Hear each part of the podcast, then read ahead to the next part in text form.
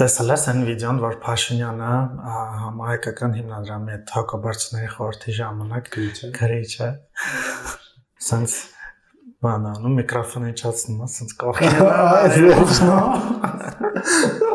Կողքին նա, այդ մի անգամ բաննա դնում, որ բայց ասում ես, դա պետք չի, դա պետք չի հետո դրանց հետո նայեցի մի քանի քաղաքացիներ գնացել են ինչ որ գրիշներ են շախտվեք առավայս հանդիում հերցնա շատ բոցեր այդ վիդեոն Բարև, դուք լսում եք Head Podcast-ը, ես Սամսոնն եմ։ Ես էլ Արմենն եմ։ Մենք կարևոր երկուսով լրագրողներ ենք եւ ուզած թե չուզած գործը բերումով միշտ հետևում ենք շաբաթվա իրադարձություններին ու կարևոր լուրերին։ Որոշել ենք նոր բան սկսել Head Podcast-ում եւ ամեն շաբաթ անուլ ենք շաբաթվա ամփոփում։ Սա հատուկ կլինի այն մարդկանց համար, ովքեր որ շաբաթվա ընթացքում միշտ զբաղված են, չեն հասցնում կարևոր լուրերին հետևել, բայց ուզում են տեղակ դնել թե երկում ինչա կատարվում ընդհանրապես բացի այդ ոչ միայն ներքաղաքական դաշտում ու ընդհանրապես Հայաստանում ինչա կատարվել անդրադարձ կատարենք նաև միջազգային արենայում թե ինչա կատարվել որտեղ այս շփաթը հատկապես շատ ակտիվ էր հանդիպումների եւ միջազգային առաջնորդների հայտարարությունների տեսանկյունից հետաքնող լրագրողներից հետ podcast Արմենիայի շաբաթվա ամփոփումը սկսենք Փաշինյանի մամլո ասուլիսով։ Մինչ ասուլիսին հնչած ամենակարևոր հայտարարություններն անցնելը, ասենք որ ասուլիսը չսկսված արդեն որոշ ինտրիգ կար։ Այդ ինտրիգը կանում էր նրանում, որ մի խումբ լրատվամիջոցներ որոշեցին բոյկոտել Փաշինյանի մամլո ասուլիսը ու պատճառաբանեցին նրանով, որ մամլո ասուլիսի ժամանակ հնչում են հիմնական իշխանամերձ լրատվամիջոցների Telegram ալիքների, բլոգերների հարցերը, որոնք ըստ ամենայնի խմբագրվում են կամ նախապես համաձայնեցվում են կազմակերպիչների հետ, իսկ այլ լրատվամիջոցների դեպքում հարցերը կամ անտեսվում են կամ խմբագրվում կամ աղավաղվում ու այս հայտարարությունը միացել են հիմնական ընդդիմադիր դիրք ունեցող լրատվամիջոցները այս առաջի հայտարարություններ, այս հայտարարությունից կար ժամանակ անց եղավ եւս մի հայտարարություն, որը ստորագրած լրատվամիջոցները հորդորեցին վերանայել ասուլիսի ձևաչափը, համարելով, որ ձևաչափը խտրական է ու ոչ արդյունավետ եւ հակասում է ժողովրդավարական սկզբունքներին, թափանցիկությանը, հաշվետվողականությանը եւ այլն։ Այս մի քանիսն էին այս հայտարարությունը տա։ Հա, հատկապես այդ երկրորդ հայտարարությանը միացել են այն լրատվամիջոցները, որոնք հանրության կողմից քիչ թե շատ ավելի չեզոք եւ անկախ են իրենք համարվում։ Ու այս հայտարարության միացած լրատվամիջոցներից երկուսը հարց են ուղարկել, թե ինչու է Փաշինյանը նախընտրում նմանատիպ շփում, բայց ըստ էության Փաշինյանը նման ձևաչափի մեջ որևէ խնդիր չի տեսնում եւ հարցին պատասխանելուց հիշած անդիմությանը։ Թող իրանք գրավոր դիմեն, ինչ են ուզում, ինչ առաջ, ինչ բանաձևի ասուլիս են առաջարկում, մենք կքննարկենք եւ կպատասխանենք։ Ասել եմ, վերադարձ հին ձևաչափին։ Ինչա դա նշանակում։ Երբ լրատվամիջոցների ներկայացուցիչները ներկայ Դա նշանակում է, դա նշանակում է, որ ասենք օրինակ, իսկ հնարավոր է, որ այդ լրատվամիջոցների ներկայացուցիչները, քանի որ կոնկրետ կուսակցություններ են ներկայացնում, ենթադրենք որոշեն ասուլիսը կատվածահար անել կամ կրծքով փակել ուղիղ եթերի տեսախցիկների տեսարանը կա այս հարցի պատասխանը Հա ոչ միայն հիշեց ընդդիմությանը, այլև ասեց միշտ էլ բոյկոտելու ինչ որ մի առիթ կգտնվի լրատվամիջոցներին, ըստ նրա առիթ է պետք նման բոյկոտ անելու։ Բայց մի հետաքրիր բան ասեմ, Samsung ես ուսումնասիրում եի առաջին խումբ լրատվամիջոցների ցանկը, որոնք բոյկոտել էին ասուլիսը եւ հայտարարել են, որ չեն լուսաբանելու։ Ամեն դեպքում այնտեղ ես գտա բավականին հետաքրքիր բան, որ որոշ լրատվամիջոցներ, որոնք բավականին մեծ սփռում ունեն, մեծ լսարան ունեն, անուններ չտանք, բայց իրենք լավ են լուսաբանել են այդ ասուլիսը ու բավականին մանրամասնությամբ ըստ իս, երբ որ բոյկոտում ես ասուլիսը, հետեւաբար որևէ կերպ չպետք է անդրադառնաս այդ ասուլիսին։ Մի խումբ լրատվամիջոցներ էլ կային, որոնք իրենք բում Փաշինյանի ասուլիսը չեն լուսաբանել, բայց լուսաբանել էին եւ հարթակ էին դարձել Փաշինյանի հայտարարությունին հայտարարություններին հակընդդեմ հայտարարություններ ունեցող քաղաքական գործիչների համար։ Փաշինյանը ինչ որ մի հայտարարություն անում էր զուգահեռաբար, չգիտեմ, օրինակ, ընդդիմադիրները կամ նույն հանրապետական կուսակցության ներկայացուցիչները ինչ որ ստատուս էին գրում, եւ այդ լրատվամիջոցներն արագ վերատարածում էին դրանք։ ու ասենք նաև որ նման ձևաչափով ասուլիսներ եղել են անցած տարի երկու անգամ եւ այս տարի մի անգամ իսկ մինչ այդ Փաշինյանը ավելի ազատ ձևաչափով 2019 տվել էր 17 հարցազրույց 2020-ին 34, իսկ 21-ին ընդամենը 5 հարցազրույց։ Հա, պատերազմից հետո որևէ ինքը ուղիղ շփում լրագրողների հետ չի ունեցել, դա այդ առավելությունն, այսպես ասած, վերապահված է միայն հանրային հեռուստաընկերության։ Այո։ Նաև հիշենք, որ 7 ամիսը ինչ չունի մամլո խոսնակ մեր վարչապետը, որ լրագրողը երևի իրեն Հա, եւ երբ որ հարց ենք ունենում, արդեն էլ չգիտենք ում զանգենք, որովհետեւ նույն տեղեկատվության եւ այդ վարչության պետն ասում է, որ ինքը իրավասու չի դա մեկնաբանելու, դե մամուլի խոսնակ էլ չկա, որին հարցը կարաս ուղիղ ուղղես։ Հիմա անցնենք հենց բուն մամլո ասուլիսի ժամանակ հնչած կարևոր հայտարարություններին։ Փաշինյանն ասաց, որ Ադրբեջանը հրաժարվել է մասնակցել Հայաստանի անվտանգության խորհրդի քարտուղարի եւ Ադրբեջանի նախագահի խորհրդականի մակարդակով հանդիպմանը, որը պիտի տեղի ունենար Բրյուսելում այս մամուլը ասուլիսից մի օր առաջ Փաշինյանն ասաց, որ խաղաղության պայմանագրի շուրջ քննարկումներում խոչընդոտներ է ստեղծում հենց Ադրբեջանը, փորձում է այնպես անել, որ Հայաստանը մնա շրջափակման մեջ եւ պատրաստվում է նոր պատերազմի լեգիտիմություն ստեղծել։ Դա այդ նոր պատերազմը իրենք նկատի ունեն 3 ամսից թե 3 տարուց թե 30 տարուց, դա ուրիշ խնդիր է, բայց գործողությունների վեկտորը դա է։ Եթե դա չէ, ես համոզված եմ, որ մենք կարողանանք եւ սահմանա գծման հետ կապված լուծումների գնալ եւ մենք աշխատելու ենք հույս ունեմ, որ այն հանդիպումը եւ այն առաջարկը, որ Հայաստանը արել է, այդ առաջարկը կընդունվի։ Նման հայտարարություն չէր եղել։ Չէր եղել նման հայտարարություն, ավելին ադրբեջանական կողմը ԱԳՆ խոսնակ Լեյլա Աբդուլլաևայի խոսքով եւ հայտարարությամբ իրենք ամենևին չհերքեցին Փաշինյանի այս հայտարարությունը, որ Ադրբեջանը խոչընդոտում է եւ չի հանդիպում,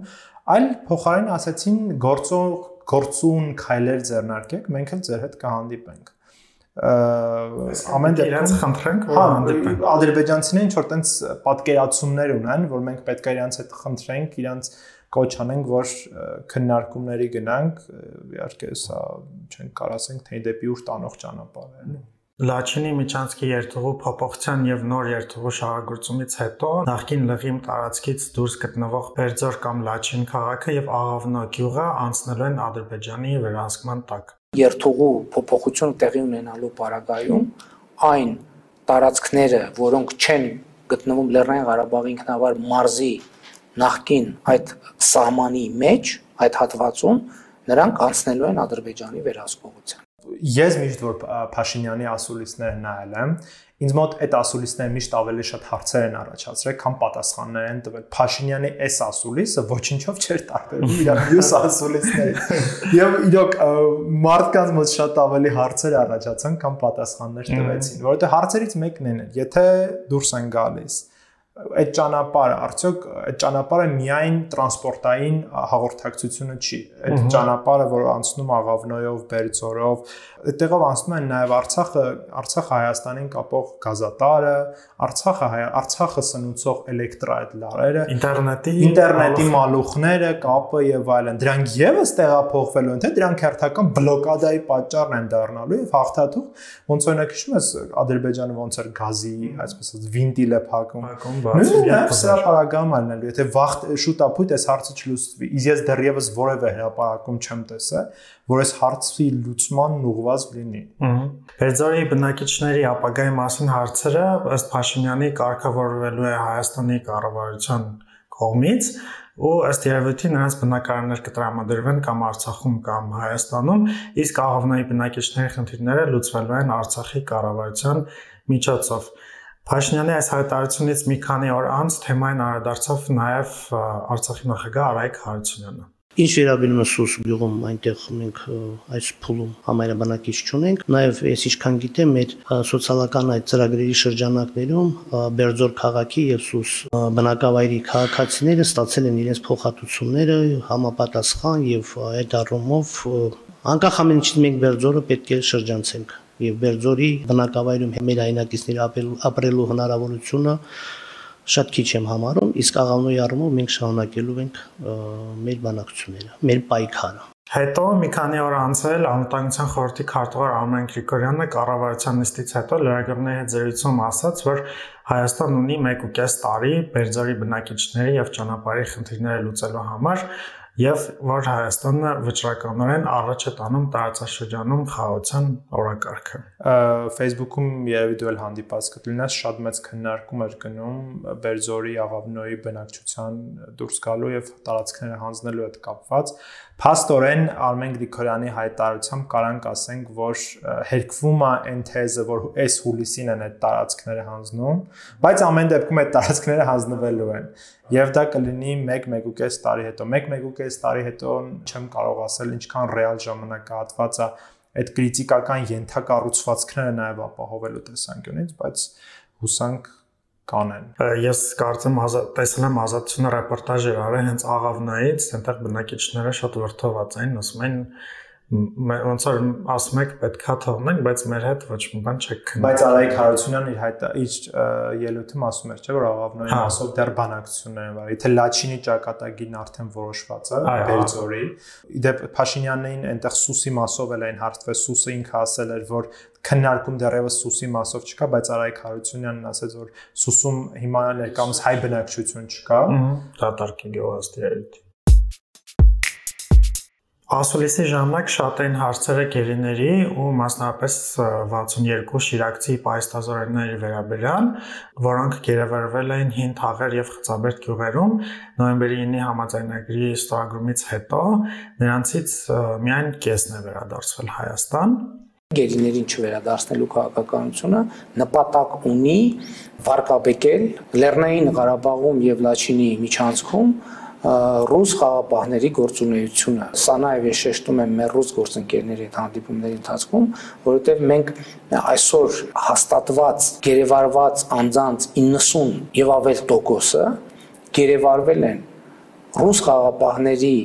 տեղակայումից հետո եւ նրանց պատասխանատվության գոտում։ Խոսելով գերներից նշենք, որ այս շաբաթ Գյումրիում ռուսական հյուպատոսարանի շենքի դիմաց գերիների հարազատների բողոքի ակցիա են կազմակերպել։ Նրանք ռուսական կողմից պահանջում էին ապահովել իրենց հարազատների ազատ արձակումը, քանի որ տղաները գերեվարվել են ռուսական խաղապահ ուժերի հսկողության տակ գտնվող տարածքում ու նրանց թողտվությամբ սրա մասին Փաշինյանը իր ասուլիսում ասաց եւ ըստ երևույթի հենց Փաշինյանի ասուլիսներ, որ խթան հանդիսացա, որպեսզի գերիների հարազատները ցույց անեն ռուսական հպատոսանի դիմաց։ Մեր երեխաները բերեն դուրս հետո ինչ կենեն են։ Եթե մեր երեխեքն ընդեղ ինչի մասին է խոսքը։ Ինչ խաղաղություն Ինչ խաղաղություն։ Միջև երեխեքը չկան ոչ մի ես քան անգամ մեր վերևներ մեր կառավարությունն եմ ասել։ Հեշ բան թող չնեն։ Քրտնեն դեմը միջև երեխան չտան հեշ մի բան չնեն։ Առանց դու որպես մարդ ինչ կպատկերացնեք առանց երեխեքի առանց գերիների վերադարձի ինչ խաղաղության մասին է խորատեն ինչ սաման կամ ես շատ գիտեմ ինչ Գյումրիում ակցիայի հաջորդ օրը ծնողները եւս մեկ բողոքի ակցիա կազմակերպեցին Երևանում Ռուսաստանի դեսպանատան մոտ, պահանջում էին դեսպանի հետ հանդիպում։ Եղավ տարի ու կես երկու տարի խապում են, մեր երեխեքն ընդեղ խծի մեջ է, այսօր օրը արևի երես են իրանք մանկալն, բայց մեր երեխեքը քոզարկված են։ Ում համար։ Իրանց ռուսն է տվե, թող ռուսն է բերի։ Դեսպանատնից ոչ ոք ծնողների պահանջները լսելու համար դուրս չեկավ, ինչի պատճառով հարազատները բնականաբար վրթովեցին եւ փակեցին դեպի դեսպանատուն մուտքը, իսկ ոստիկանությունը այդ մուտքը ուժով, բռնի ուժով քաշքշելով ծնողներին բացեց եւ Սրանց հետո ծնողները գնացին կառավարության շենքի մոտ եւ պահանջեցին հանդիպում Փաշինյանի հետ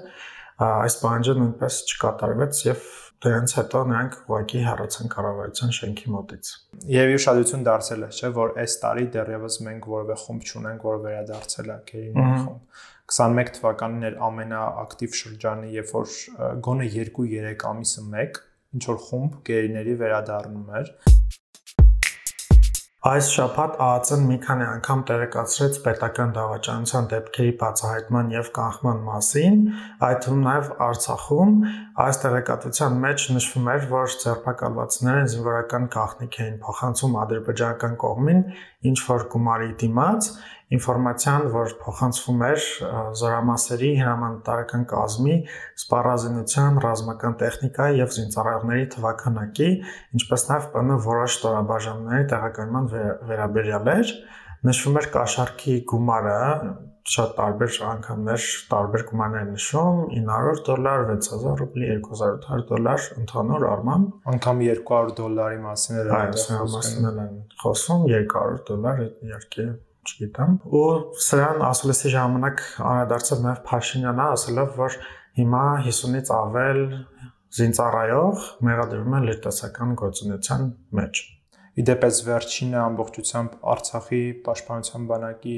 զինծառայողներին էր վերաբերում վերջի բացահայտումը։ Եթե ոչ այդ հայկական Հայաստանի զինվորականներն էլ են ներգրաված, ոչ միայն զինվորականներն, այլև քաղաքացիականները, ապա վերջին բացահայտումը Արցախի պաշտպանության բանակի զինծառայողների մասով էր։ Հորդարատ անձրևների հետևանքով անցած Կիրակերը թերեկ կետը վարարել էր եւ վնասել էր մցխետա Ստեփացմինա Լարս ճանապարհի չեզակոտումի մասը ռուս-վրացական սահմանին, որի պատճառով ժամանակավորապես արգելվեց բոլոր տեսակի տրանսպորտային միջոցների երթևեկությունը։ Ռուսական կողմում շուրջ 700, իսկ վրացական կողմում մոտ 300 հայկական բեռնատար մնաց, ու այդ հայկական բեռնատարերի մեջ ըստ երևույթի շատ էր ծիրանը եւ այլ բանջարեղեններն ու մրգերը հիմա քան որ մրգերի ու բանջարեղենների ամնաթեժ սեզոնն է արտահանման սոցցանցերում սա ամնաթեժ քննարկման լուրերից մեկն էր արտահանող ընկերություններ եւ անհատ գյուղատնտեսությամբ զբաղվողների միանգամից կառավարությունից աջակցություն պահանջեցին, իսկ Facebook-ում որոշ օգտատերեր հորդորում էին, որպեսզի մարդիկ շատ քանակով ծիրան գնեն։ Ծիրանի գնելն էլ միանգամից իջավ։ Ես օրինակ գնում էի մեր շենքի մոտի փոքր շուկայից ծիրան գնելու, տեսա ահագին էժանացել է 250 դրամով գնացի ծիրան ու այնտեղ հարցնում եմ իսկ ինչա էժանացա երևի որ լարսը փակ է դա վաճառողը ասաց հա փակ է ասում եմ բայց արդեն բացվել է գիտեք չէ ասաց հաստատ գիտես որ բաց դե ասում հալուրերին հետևել եմ էլի ասել են որ բացվել է ասես դե լավ է սա կասեմ սաղի այդտեղ սաղին ասեց ու ոնց որ թե գները վերականգնվեցին նրանք ավից իսկ 250-ի փոխարեն էլի հենան չգիտեմ 600 500 եւ ավել դրամ նայ տես վերջին մի քանի ամսվա ընթացքում սա շատ խոշոր հարված էր հայ արտահանողներին, որովհետև արտահանողները շատ մեծ տուժում են դոլարի կուրսի ընկնելու պատճառով լարսը փակվելու նաև երկրորդ այդ կարևոր խոչընդոտն էր, որովհետև դեպի Ռուսաստան մեր հիմնական այդ ամբողջ երթուղին անցնում է լարսով։ Եվ սա խոսում է մեր բլոկադայի հենց մասին, որովհետև մի օր լարսը փակվեց, իսկ լարսը կարա փակվի տարբեր պատճառներով, սկսած արտակարգ իրավիճակների, վերջացրած վրաց ռուսական հարաբերություններով։ Եվ մենք ուղղակի կարանք փակված մնանք Չնայած հիշում ես երբ որ 18 թվականի հեղափոխությունն եղավ, դրանից հետո այդ լաստանավի քննարկումը, որը պետք է լիներ Լարսով, այդ անցումը շատ ցենց ծավալվում, քննարկում, քննարկում էր, մեկ էլ հոպ մի պա եկա որ կանգնեց։ Երբ էս Լարսելի փակվեց, դրա մասին քննարկումները սկսեցին էլի խոսվել, Պաշտոնատար անձինք նաև Փաշինյանն իր ասուլիսում անդրադարձավ սրան ասելով, որ մենք արդեն այս տարի սպասում ենք, որ դա կլինի, բայց վստահ եմ, որ ելի որոշ ժամանակ անց այդ թեման ուղակի փակվելու է։ Լարսին այլընտրանք պետքա վաղ թե ուշ, որքան հնարավոր է շուտ լուծվի, կլինի դա Վրաստանի տարածքով, թե, չգիտեմ, կհաջողի Ադրբեջանի տարածքն օգտագործել, ինչի նկատմամբ շատ sense ասած վստահ չեմ, մեղմ ասած, բայց պետքա լուծվի, որովհետև սա մեր բլոկադայի հիմնական, այսպես ասած, խնդիրներից մեկն է։ Ճիշտ ես նշում, որ հենց Լարսի հետ ինչ որ մի բան է լինում, բոլորը սկսում են դրա մասին խոսել, հենց այդ խնդիրը վերացվում է, բոլորը մոռանում են։ Այո, բոլորը մոռանում են անգամից։ Ու շատ ափսոսում եմ, որ սոցիալական ցանցերում ոչ թե պետքա քննարկվեր թե ծիրանը ինչքան առնես, ինչքան ուտես եւ ինչ անես, որովհետեւ մի ամբողջ sense պատիտ նայում էր Facebook-ի միայն կատակ ու բաներ, այլ սա պետքա դառնար իրականում նաև ինտելեկտուալ դիսկուրսի առարկա պետք է քննարկվեր այդ թվում նաև ինտելեկտուալ մակարդակում վերլուծաբանների եւ այլն թե ինչ անել, ինչպես փորձել այդ խնդիրը լուծել։ Շատերը նաև խոսում էին ծիրանի գների վերաբերյալ, քանի որ Հայաստանում այս տարի շատ-շատ ծիրան կա ըստ երևույթի, բայց գինը միևնույն է տեղական շուկայի սպառողի համար բավական թանկ է ու դա որոշ առումով նաև կապված է նրա հետ, որ հիմնական մթերողները ընկերություններ են, արտանող ընկերություններ են, գնում են ամբողջ ծիրանը, արտահանում են եւ ներքին շուկայի համար շատ քիչ համար, հա, գինն էլ աճում է դրա պատճառով, չգիտեմ, ինձ թվում է լավ կլիներ, որ ներքին շուկայի համար մի ուրիշ գին լիներ, հասանելի գին լիներ տեղացիների համար, որտեղ վերջի վերջո հայկական ծիրանը, չգիտեմ, լավ կլիներ, որ այժմ լիներ, մանավանդ որ եթե շատ կա, իսկ մանավանդ որ ծիրան ինքը սեզոնային միրգ է եւ ամբողջ տարվա ընթացքում ինքը հասանելի չի լինի։ Այո։ Ու լավ կլիներ որ արտահանումը լիներ ինչ որ նորմալ, adekvat գինը, որովհետեւ մարդիկ կարողանային գումար աշխատեն, իսկ մեր համար մի քիչ ավելի մաչալի հասանելի։ Գոնե ձմռանը կամպոտ խմենք։ Այո, ծիրանի Հաստատ լսած կլինեք, որ անցած շաբաթ հրապարակվեց գախնի ցայնագրությունը, որում Պարսկական դատական խորհրդի նախագահ նախագահի ներկայիս պաշտոնակատար Ջհանգիրյանը հորդորում էր ԲԴԽ արդեն նախկին նախագահ Ռուբեն Վարդազարյանին հրաժարական տալ եւ նրան քրեական հետապնդումից ազատելու երաշխիքներ էր տալիս։ Մեծ աղմուկ բարձրացավ։ Պետրոս Ղազարյանին հարցազրույցի ժամանակ Ջհանգիրյանը ասել էր, որ ցիտում եմ կուտ է տվել Վարդազարյանին եւ տարբեր հոգեբանական հնարքներ էր նա իրականում գործադրում, ոչ թե սպառնում կամ քրեական գործը կարճելու երաշխիքներ տալիս։ Այս ցանագության հրապարակումից հետո ԲԴԽ-ն արդեն որոշում էր կայացրել դադարեցնել Վարդազարյանի լիազորությունները, որոշումն էլ կարդաց հենց Ջահանգիրյանը, ասենց շատ բարդ բարդ դեմքով եւ գո դեմքով ընթերցեց որոշումը արդեն parz է որ ԿՊ-ն քաղաքական իր աջակցությունն է հայտնում Ջահանգիրյանին ըստ երևույթի հրաժարական չի տա եւ որևէ քաղաքական գործ չի հարուցվի ու ավելի նրա նկատմամբ կարգապահական պատասխանատվության ենթարկելու վերաբերյալ վարորդի հարուցումը մերժվեց ԲԴԽ-ում ձևավորված հանձնաժողովը գտավ, որ մոնտաժված ցայնագրության հիման վրա անհնար է սկսել դատավորի կամ Բարսակուն դատական խորհրդի անդամի նկատմամբ կարգապահական վարույթի հարուցումը։ Իդեպ ոչ միայն ԿՊՆ աջակցեց, եթե ոչ ուղակիորեն գոնե անուղակիորեն Ջահանգիրանին, եթե ուշադիր ես եղել, ընդդիմությունն էլ չափից շատ չպնդեց նրա հրաժարականը։ Իրանց իմ մոտ այնպիսի տպավորություն էր, որ այդ ձայնագրությունը հրապարակելով իրանք ուղակի ուզում են ինչ որ sense ռեզոնանս առաջացնել, բան անել, բայց դա չստացվեց փաստացի։ Չստացվեց, այո։ Էպիզոդի ձայնագրումից մի քանի ժամ անց դատական դեպարտամենտից հայտնեցին, որ Գագիկ Ջահանգիրյանը առողջական խնդիրների պատճառով հրաժարական է տվել ԲԴԽ անդամի պաշտոնից։ Շատ անսպասելի հրաժարական էր։ Հայաստան ունի նոր գլխավոր դատախազ, Այժմ այդ պաշտոնում ընտրեց Աննա Վարդապետյանին, նա 2010-ից 19 եղել է արդարադատության նախարարի խորհրդական, այնուհետև նախարարի տեղակալ, իսկ 2020-ին նշանակվել էր Փաշինյանի օգնական։ Այժմ քվեարկեց միայն ԿՊ-ն ու չնայած նրան, որ Վարդապետյանը մոտ ընկերական հարաբերություններ ունի ԿՊ-ի շատերի հետ, նա խոստացավ, որ կլինի անաչառ եւ անկախ։ Մենք երեկոյան կարող ենք իրար հետ սրճել, բայց հետո գալ աշխատասենյակ ու դուք չեք կարող վկայակոչեք մեր երկվա խմած սուրճը, որովհետև ես արդեն այնտեղ չեմ գալիս որպես Աննա, ում հետ դուք ընկերություն եք անում, ես այնտեղ գալիս եմ որպես մարդ, որը իրականացնում է գործառույթ ու եթե ես դա չանեմ, Ուրեմն ես երևի իզուրեմ ծախսել այն ռեսուրսը, որը որ ծախսված է իրավագիտության ֆակուլտետում սովորելու եւ հետագայում մասնագիտական կարիերա անելու վրա։ Վարդապետյանը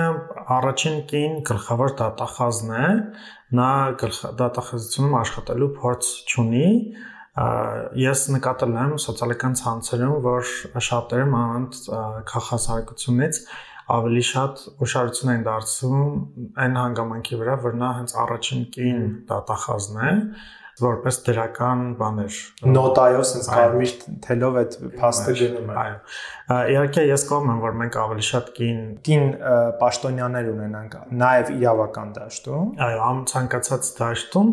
բայց կարծում եմ որ առաջին հանգամանքը որ մենք պետք է ուշադրություն դարձնենք ոչ թե մարդու կենտրոնային պատկանելությունն է կամ այլ իր ինքնության մասը այլ իր աշխատանքային փորձը ունակությունները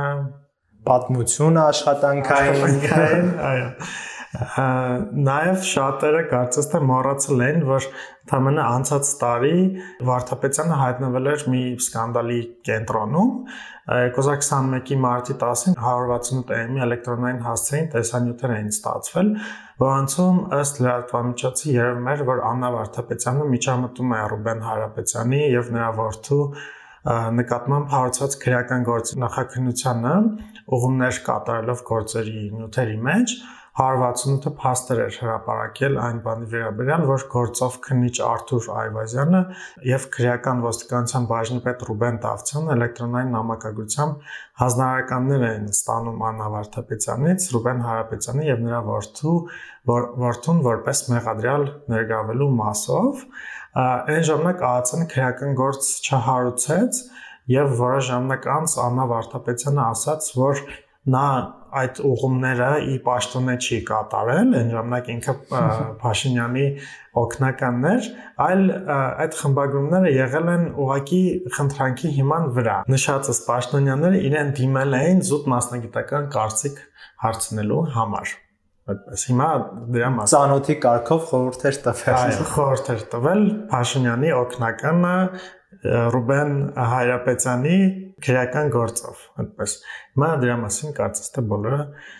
մոռացել են։ Միայն ընդդիմադիրներն են դրա մասին խոսում։ Վարդապետյանի իրականում կենսագրությունը նայելուց բավականին տպավորիչ կենսագրությունն է, նաև ինքը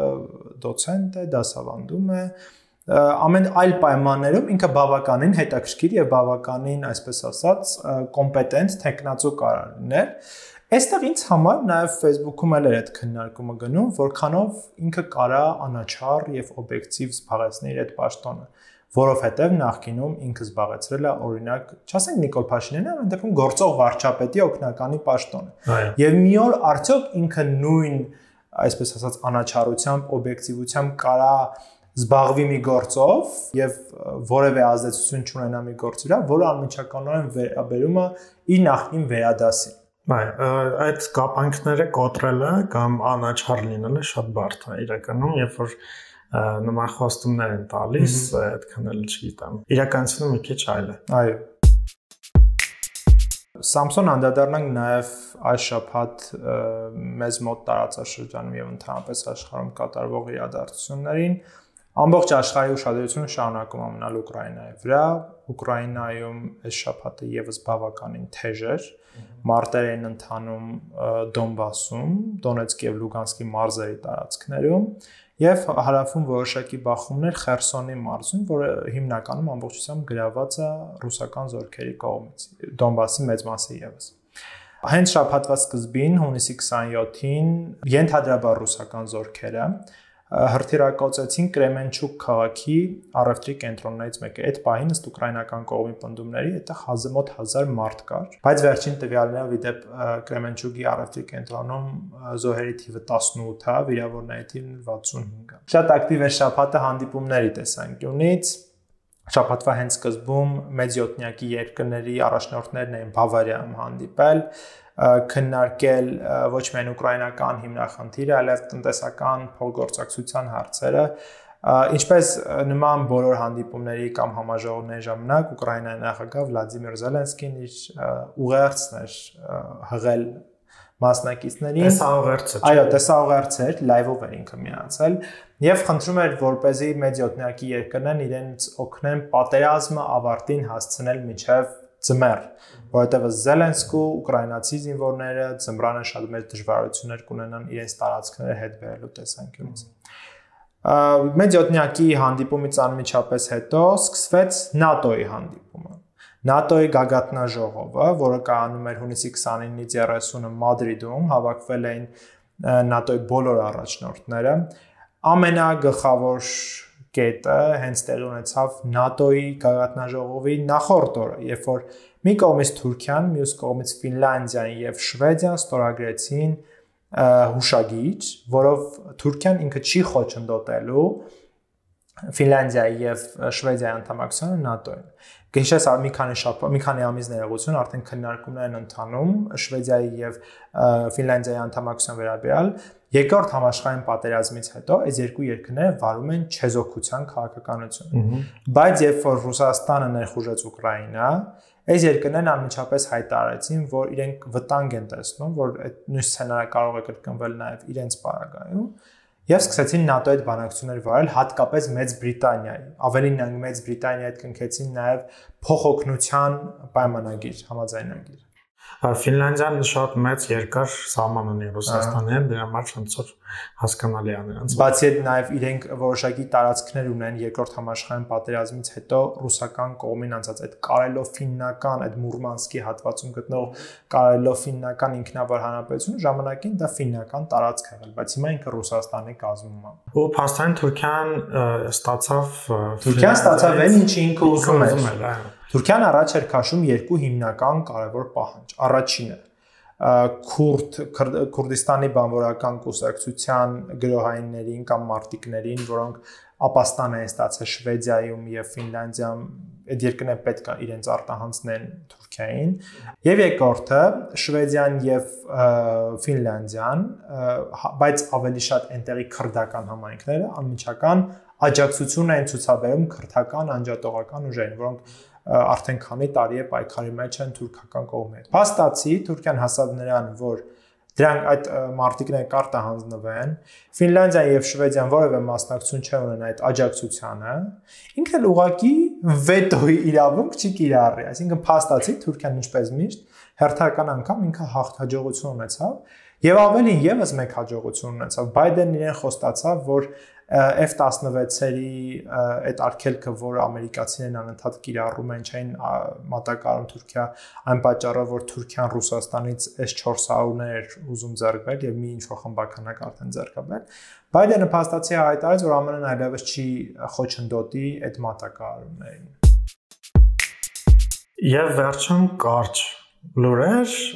կառավարության նիստին Փաշինյանը հայտարարեց, որ 2023-ի հունվարի 1-ից նվազագույն աշխատավարձը կբարձրանա եւ ներկայիս 68000 դրամից կդառնա 75000 դրամ։ Թոշակներն էլ կբարձրանան, բայց դրանց մասին կհետարվի առաջիկայում։ Եվ լավ լուր վարորդների համար Ռուսաստանի Դաշնությունում Պետդուման առաջին ընթերցմամբ օրինագիծ է ընդունել,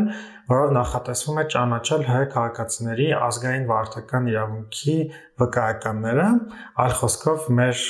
վարորդական վկայականով արդեն կարող ենք Ռուսաստանում մեքենա վարել, անկեղծ ասած ինձ թվում է մենք sense tenants կարող ենք դա անել, բայց բարձրաց որ իմացավոր չէ ու Հայաստան քաղաքացիները կկարողանան ոչ միայն մեքենա վարել, սա ուղղակի մեքենա վարել, այլ նաև ձեռնարկատիրական կամ աշխատանքային գործունեություն իրականացնել իրենց վարորդական իրավունքի վկայականով։ Մենք ամեն շաբաթ փորձելու ենք ձեզ համար ամփոփել, թե տվյալ շաբաթ ինչ կարևոր իրադարձություններ են եղել եւ Հայաստանում եւ աշխարհում։ Եթե ձեզ դուր եկավ մեր ոդքասթը, ուրախ կլինենք, որ տարածեք սոցիալական ցանցի ձեր էջերում, միանալ մեր Facebook-յան խմբին եւ շարունակեք հետեւել հետ ոդքասթի հաջորդ թողարկումներին։ Խնդրում ենք բաժանորդագրվեք մեր podcast-ին, կարող եք անել դա Google Podcast-ում, եթե iPhone ունեք Apple Podcast-ում, Նաև ինչպես Արմեն արդեն ասաց, միացեք մեր Facebook-յան խմբին հայատար կամ լատինատար որոնելով հետ podcast։ Մենք էլ ուրախ կլինենք լսելու ձեր մեկնաբանությունները։ Շնորհակալություն, մինչ նոր թողարկում։ Կհանդիպենք հաջորդ շաբաթ։